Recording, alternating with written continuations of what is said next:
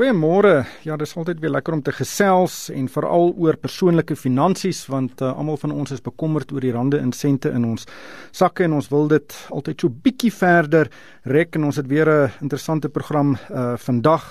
Nou ons het so 'n maand of wat gelede gesels oor die beleggingsgeleenthede wat Opwest bied. Nou Opwest, ek baie luisteraars vra vir my, hoe spel 'n mens dit? Uh dit is O R B V E S T Opwest. En uh dit is 'n maatskappy wat in um, Amerika is en uh, hulle koop mediese eiendomme en dan kan beleggers nou daarin belê en hulle betaal dan 'n gereelde dividend in Amerikaanse dollar. En na ons vorige program het ek verskeie navrae van luisteraars ontvang oor Opwest en uh Henny Besidenhout is uh, vandag op die lyn. Hy is die mede-stigter en 'n direkteur van Opwest. Hy's ook voorsitter van Opwes se beleggingskomitee en gaan 'n paar van hierdie vrae aan hom stel.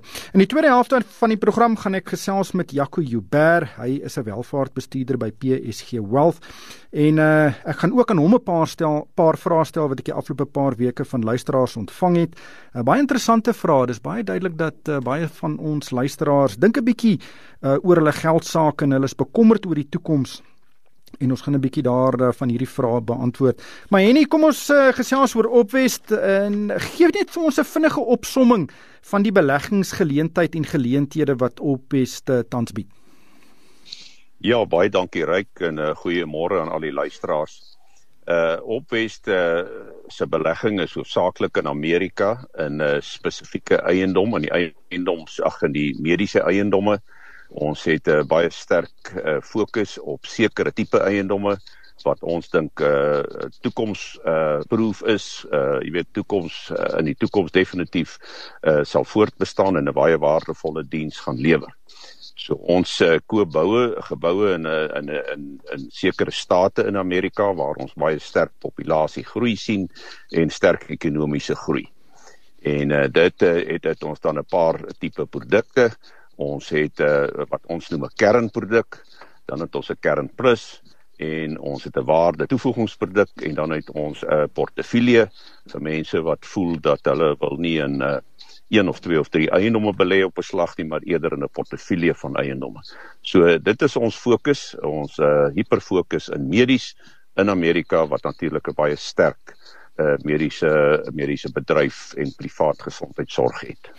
Ja, die soos ek dit verstaan is dit 'n baie voorspelbare inkomste wat uh opwest verdien uit langtermyn uh huurders. Uh dit en en dit is almal huurders in die mediese veld.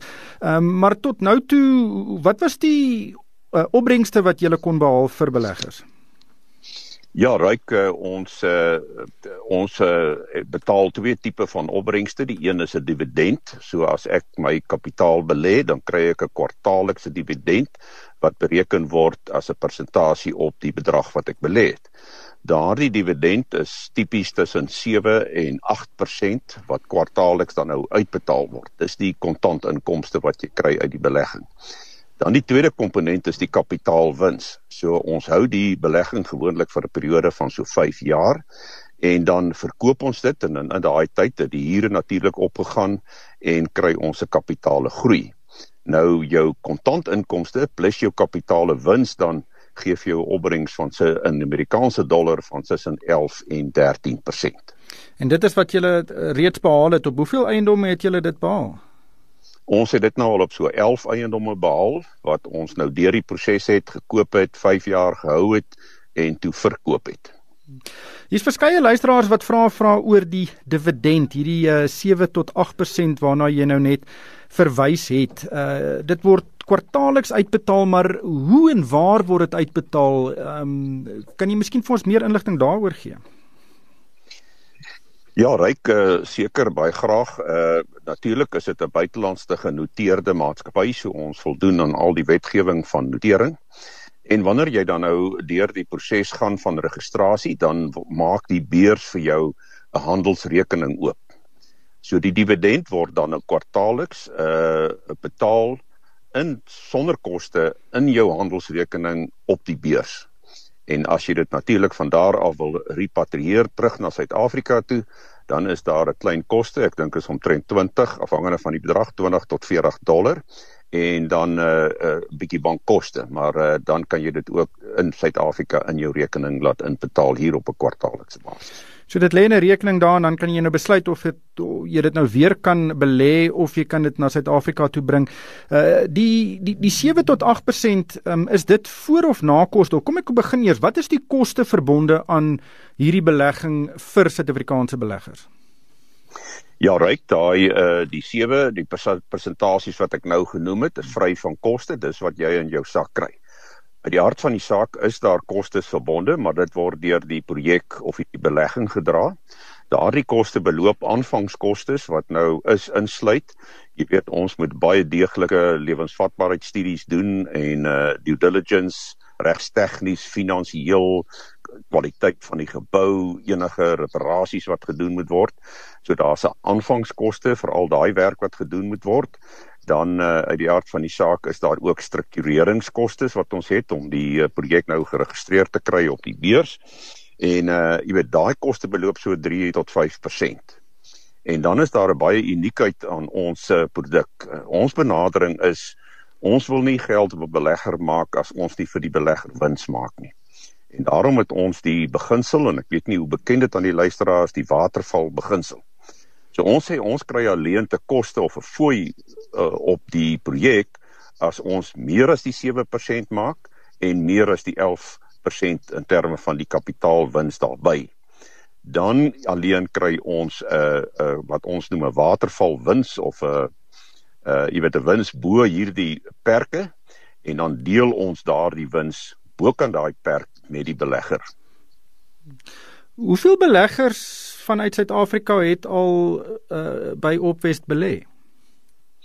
Ja, ons is nou 'n paar jaar aan die gang. Ons trek nou by so 2000 uh, beleggers en ryk uh, laaste rukkie geweldige sterk groei en vraag vir ons produk uit Suid-Amerika, uit Asië en selfs Amerika is daar groot belangstelling heidaglik vir ons spesifieke benadering. Ja, ek dink baie mense is bekommerd oor risiko in Suid-Afrika. Die JSE het die afgelope paar jaar baie baie vrot presteer eintlik. Uh, vir jare maar 'n bietjie sy kop opgetel, maar ander bateklas het ook nie baie goed gevaar nie. En en, en dit sluit eiendom ook in. Ehm um, wat, wat dink jy is die risikoprofiel van hierdie opwest beleggings? Uh ryk uh, risiko uh moet 'n mens baie mooi definieer. Wat is die risiko as ek 'n gebou koop? Die risiko is my huurder kan nie betaal nie.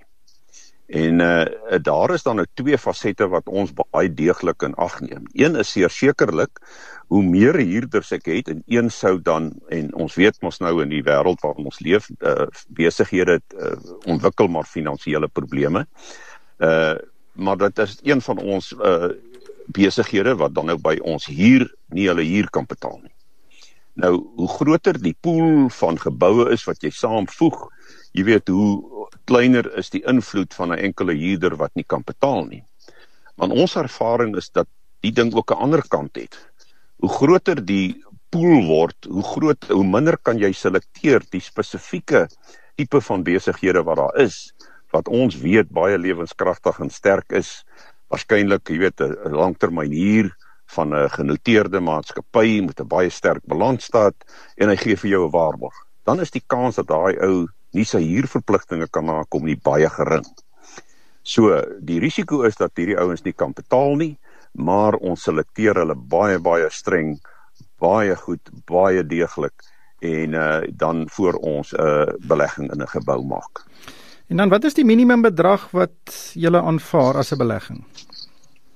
Ryk uh, dit is so 5000 dollar of so in die orde van 70 75000 rand afhangende van die van die uh, wisselkoers op daai stadium maar dis die minimum bedrag Enie baie baie dankie vir jou tyd vandag. Uh luisteraars kan meer inligting kry by opwest.com dis o r b v e s t.com. Uh maar Enie baie dankie vir jou tyd vandag. Dit was Enie Besuidenhout. Hy is die mede-stigter en direkteur uh, van Opwest en hy's ook voorsitter van Opwest se beleggingskomitee. Maar uh, nou gaan ons uh, gesels met Jaco Jouber. Hy is van PSG Wealth en uh Jaco baie welkom by die program. Ek het ek kry gewoonlik na een van hierdie programme seker uh 20, 30 eposse van luisteraars wat vra het. Ehm um, dis baie goed om te sien dat mense so belangstel in hulle in hulle in hulle geld sake en uh, ek het 'n paar van hierdie vrae gekies wat ons vandag kan bespreek want ek dink baie mense dink oor hierdie dinge en as hulle nie doen nie dan moet hulle daaroor dink. En ek gaan begin by uh, 'n vraag van Gerard Smuts. Ehm um, hy vra hoe kies iemand 'n batebestuurder En wat moet jy alles oorweeg as jy nou na verskillende batebestuurders kyk? Hy vra kyk jy net na historiese opbrengste van hulle pro produkte en hulle effekte trust en fondse of moet jy kyk net na hoe hoog of laag hulle koste is? En dan sê hy ook hy wil graag in of Ellen Gray se aandelefonds of in 'n Signia indeksfonds belê, maar hy weet nie heeltemal hoe om hulle met mekaar te vergelyk en dan die beste ene te kies nie. Uh Jaco, hoe sal jy hom antwoord? Uh Ryk, ja, gaan dit 'n goeie vraag daar. Ek dink die belangrike ding is eerstens met mense die maatskappy ondersoek en baie belangrike ding is die maatskappy se reputasie. Natuurlik ook die maatskappy se geskiedenis en of hulle voldoen aan uh kom ons sê wetgewing wat belangrik is in die môre 'n maatskappy is wat of 'n batebestuurder wat nie aan wetgewing voldoen het en dan verdwyn nie. Ek dink die die minder uh, of die derde belangrike ding is is natuurlik die die prys. Uh dit is altyd 'n faktor, maar uh baie van die batebestuurders se kostes is redelik naby aan mekaar. In terme van Ellen Gray en die Signia indeksfonds, uh wel die een kan jy koop op uh, baie verskillende platforms. Uh, Ellen Gray, uh Signia se indeksfonds kan jy ook direk koop of op 'n aandeleportefeulje. Ehm um, maar dit gaan ook spesifiek dan gaan oor wat jy eintlik wil bereik met daai uh belegging want dit kan verskil. Meeste van die Ellen Gray fondse is of plaaslik of 'n uh, kombinasie van internasionale bates. Signa fondse het baie spesifieke temas, so dit is 'n bietjie meer uh, gesels daaroor voordat 'n mens daai kan oor besluit. Ja, ek dink in baie opsigte gaan 'n gewone persoon nou nie heeltemal so diep delf in die beleggingsfilosofie van verskillende batebestuurders nie. Maar hoeveel waarde ag jy nou aan historiese opbrengste? Sê nou maar die een fonds uh, se opbrengs die afgelope 10 jaar was 8% en die ander een is 12%. Uh watter ja, ene hoe moet jy daarna kyk? Kyk, ek dink ons kan 'n baie goeie voorbeeld neem dat uh kommersiële eiendomsfondse in Suid-Afrika die vorige kom ons sê uh, 13 jaar terug tot en met omtrent 3 jaar terug in daai dekade van die beste gevaar en dalk oor die afgelope 3 jaar glad nie goed gevaar nie. So daar is nie 'n uh, baie spesifieke ehm um, jy weet 'n uh, bateklas wat mense kan uitsonder en sê maar dit is nou op die oomblik uh jy weet uh, histories was dit baie goed geweest nie. 'n Mens moet kyk na die toekoms en ek dink balans is ook 'n belangrike ding. Soos ek weer sal terugkom na Gerard se vraag toe hy wil hy hy hoef dalk nie die een of die ander te aanvaar nie, maar kan dalk in beide belê, maar ook kyk waarin hulle belê op die oomblik en of hulle van die nuwe temas sal na kyk. So geskiedenis uh uh, speel in Suid-Afrika vir ons 'n groot rol, maar meer uit reputasie as eerder daai groot opbrengste wat dalk uh, jy weet 'n goeie seisoen was en dalk nie nou meer 'n tema vir die huidige nie.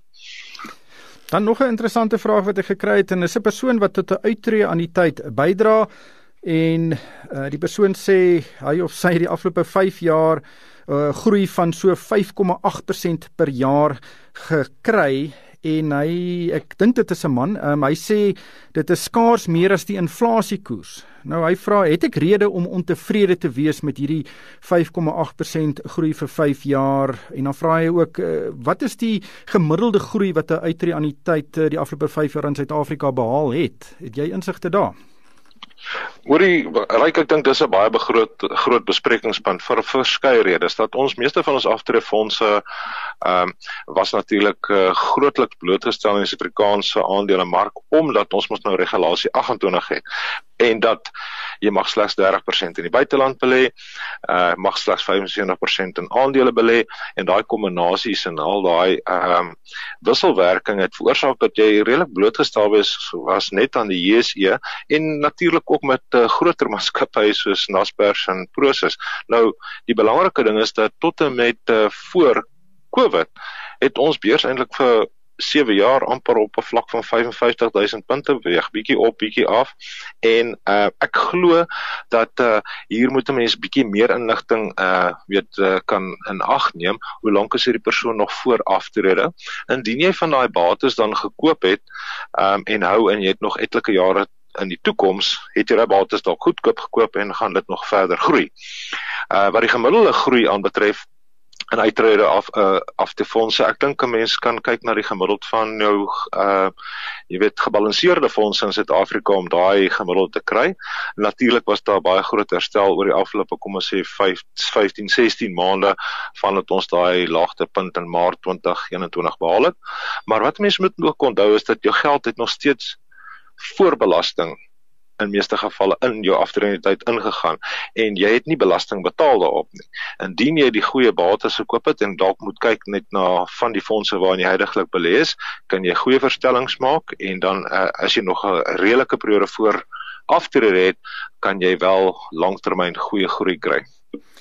My jong as my uitreaniteit vir 5 jaar met 5,8% gegroei het, sal ek nogal warm onder die kraag wees. Uh wanneer moet jy nou besluit, luister, hierdie ding werk nie, ek gaan 'n verandering moet aanbring.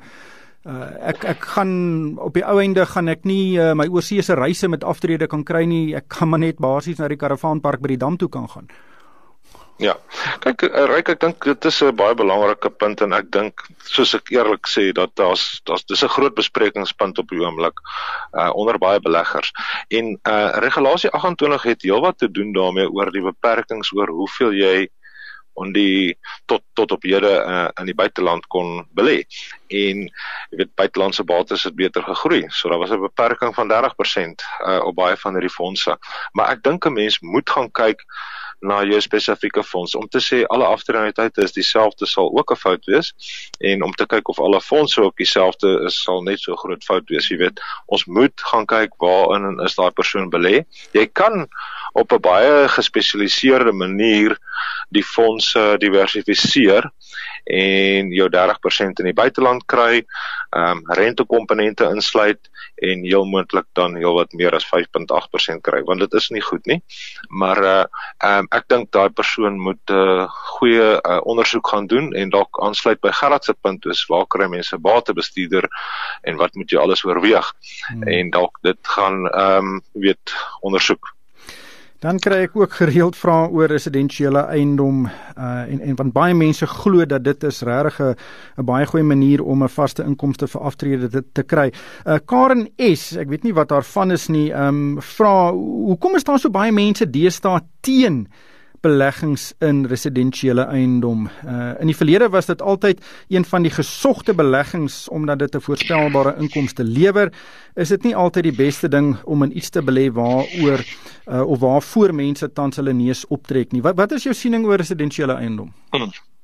Jy weet ek dink uh, in die 9 uh, vanaf 1990 92 ehm um, het ons uh jy weet 'n uh, uh, opwaartse momentum in residensiële eiendom en ook tweede eiendomme wat nou natuurlik beleggingseiendomme is uh gesien en daar was tye waar uh, jy weet jy 'n 16% per jaar opbrengs op jou uh, eiendom kon sien.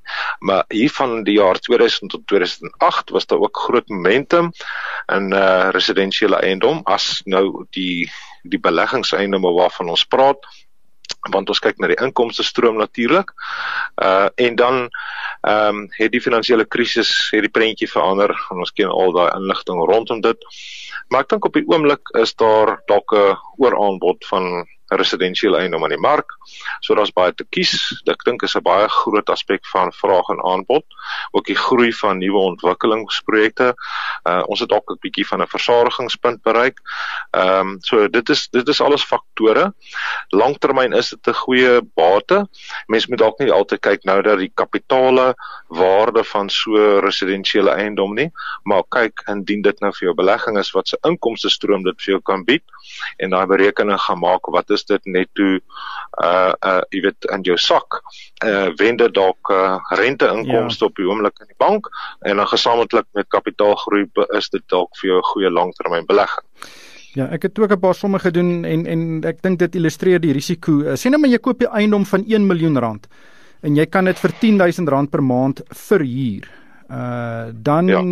uh, is dit 'n interessante scenario. Sien nou maar jy R3000 se kostes soos versekerings, belasting en instandhouding, ehm um, dan sit jy nou met R7000 per maand oor en as jy dit dan met 'n verband uh moet finansier, dan het ek gaan uitwerk, ja. dan moet jy omtrent 150000 rand deposito neersit. Uh, as jy die as jy dit oor 20 jaar teen die prima koers van 7% afbetaal. Ehm um, so dit is die basies die scenario, maar dan is daar die grootste risiko van almal en dit is die huurder. Uh as daai persoon vir 1 maand nie betaal nie, dan sit jy nou regtig in Tomatiestraat. En en baie mense verstaan nie dat daar risiko en nogal groot risiko verbonde is aan residensiële eiendom nie. Korrek. Jy weet ek dink daar gaan 'n goeie eiendomsagent wat 'n verhuurder uh, uh is uh, vir jou eiendom kan vir jou vir jou eiendom kan kry 'n uh, 'n belangrike rol speel. So daar's 'n klomp faktore en ek dink mense moet uh mis soos met alles wat mense aanpak, enige besigheid moet jy al die faktore in ag neem en al die risiko's in ag neem. Maar dit bly altyd so dat eiendom is altyd 'n langtermynbate. Dit sal die laaste reageer en opwaartse momentum in ekonomie om 'n swaai en ook die laaste sal dit daal in 'n hmm. afwaartse ekonomiese swaai. Maar ook op die huidige oomblik met lae rentekoerse behoort die finansiering vir 'n mens redelike goeie langtermyn be belegging te, te voorsien waar eintlik 'n huurder eendag jou eiendom vir jou afbetaal. Ja. So as mens dit sommer gaan regdoen, kan 'n mens vooraf bepaal wat jy moet koop en of jy dit moet koop. So dit is maar 'n ge geval van waarna mens moet kyk spesifiek. Ja, ek het al ekskuus tog, ek het al 'n hele paar uh, boeke gelees oor eiendom en ek die grootste fout wat meeste mense met uh, beleggingseiendomme maak is hulle betaal te veel vir daai eiendom wanneer hulle hom koop. Mens maak nie geld as jy hom koop nie, as jy hom verkoop nie.